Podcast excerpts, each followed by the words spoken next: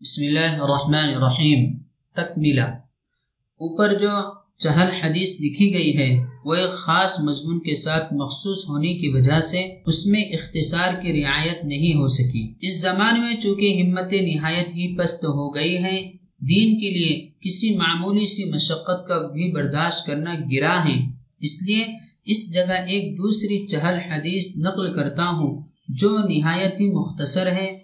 اور نبی صلی اللہ علیہ وسلم سے ایک ہی جگہ منقول ہے۔ اس کے ساتھ ہی بڑی خوبی اس میں یہ ہے کہ مہمات دینیا کو ایسی جامع ہے کہ اس کی نظیر ملنا مشکل ہے۔ کنسل عمال میں قدماء محدثین کی ایک جماعت کی طرف اس کا انتصاب کیا ہے اور متاثرین میں سے مولانا قطب الدین صاحب مہاجر مکی رحمۃ اللہ علیہ نے بھی اس کو ذکر فرمایا ہے۔ کیا ہی اچھا ہو کہ دین کے ساتھ وابستگی رکھنے والے حضرات کم از کم اس کو ضرور حفظ کر لیں کہ کوڑیوں میں لال ملتے ہیں۔ وہ حدیث یہ ہے۔ عن سلمان رضي الله تعالى عنه قال، سألت رسول الله صلى الله عليه وسلم أن العربعين حديثا التي قال، من حفظها من أمتي دخل الجنة؟ قلت وما هي يا رسول الله؟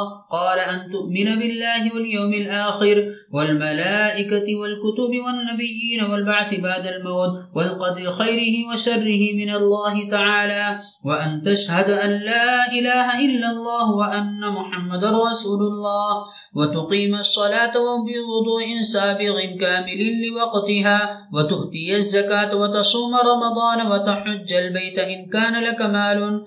وتصلي اثنتي عشرة ركعة في كل يوم وليلة والوئتر ولا تتركه في كل ليلة ولا تشرك بالله شيئا ولا تعق والديك ولا تأكل مال اليتيم ظلما ولا تشرب الخمر ولا تزني ولا تحلف بالله كاذبا ولا تشهد شهادة زور ولا تعمل بالهوى ولا تغتب أخاك المسلم ولا تغذف المحصنة ولا تغل أخاك المسلم ولا تلعب ولا تلهم مع اللاهنين ولا تقل للقصير يا قصير تريد بذلك عيبة ولا تسخر بأحد من الناس ولا تمشي بالنميمة بين الأخوين واشكر الله تعالى على نعمتي وتصبر على البلاء والمصيبة ولا تأمن من عقاب الله ولا تقطع أقرباءك وصلهم ولا تلعن أحدا من خلق الله وأكثر من التسبيح والتكبير والتهليل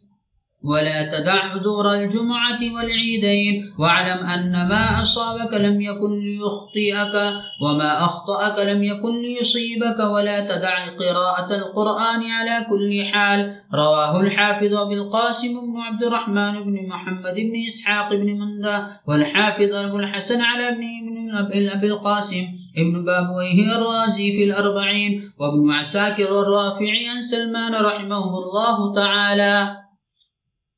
ترجمہ حضرت سلمان رضی اللہ تعالیٰ عنہ کہتے ہیں کہ میں نے حضور صلی اللہ علیہ وسلم سے پوچھا کہ وہ چالیس حدیثیں جن کے بارے میں یہ کہا ہے کہ جو ان کو یاد کر لے جنت میں داخل ہوگا، وہ کیا ہے؟ تو حضور اکرم صلی اللہ علیہ وسلم نے ارشاد فرمایا کہ نمبر ایک، اللہ پر ایمان لاوے یعنی اس کی ذات و صفات پر، نمبر دو، اور آخرت کے دین پر، نمبر تین، اور فرشتوں کے وجود پر، نمبر چار، اور پہلی کتابوں پر، اور نمبر پانچ، تمام انبیاء پر، نمبر چھ، اور مرنے کے بعد دوبارہ زندگی پر، نمبر سات، اور تقدیر پر کہ بھلا اور برا جو کچھ ہوتا ہے، سب اللہ ہی کی طرف سے ہیں، نمبر آٹھ اور گواہی دیں تو اس امر کی کہ اللہ کے سوا کوئی معبود نہیں اور حضور اکرم صلی اللہ علیہ وسلم اس کے سچے رسول ہیں۔ نمبر نو،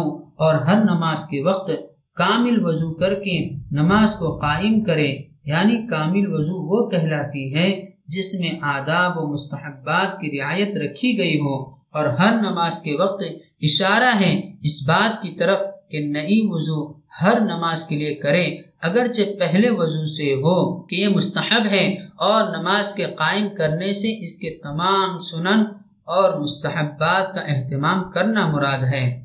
چنانچہ دوسری روایت میں وارد ہے، ان تصویت الصفوف من اقامت الصلاة یعنی جماعت میں صفوں کا ہموار کرنا کہ کسی قسم کی کجی یا درمیان میں خلا نہ رہے، یہ بھی نماز قائم کرنے کے مفہوم میں داخل ہے۔ نمبر دس زکوٰۃ ادا کرے نمبر گیارہ، اور رمضان کے روزے رکھیں، نمبر بارہ، اگر مال ہو تو حج کریں یعنی اگر جانے کی قدرت رکھتا ہو تو حج بھی کریں، چونکہ اکثر مانع مال ہی ہوتا ہے۔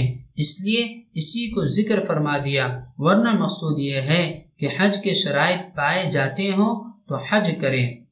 نمبر تیرہ، بارہ رکعات سنت معقدہ روزانہ ادا کرے اس کی تفصیل دوسری روایت میں اس طرح آئی ہے کہ صبح سے پہلے دو رکعت، ظہر سے قبل چار رکعت، ظہر کے بعد دو رکعت، مغرب کے بعد دو رکعت، عشاء کے بعد دو رکعت۔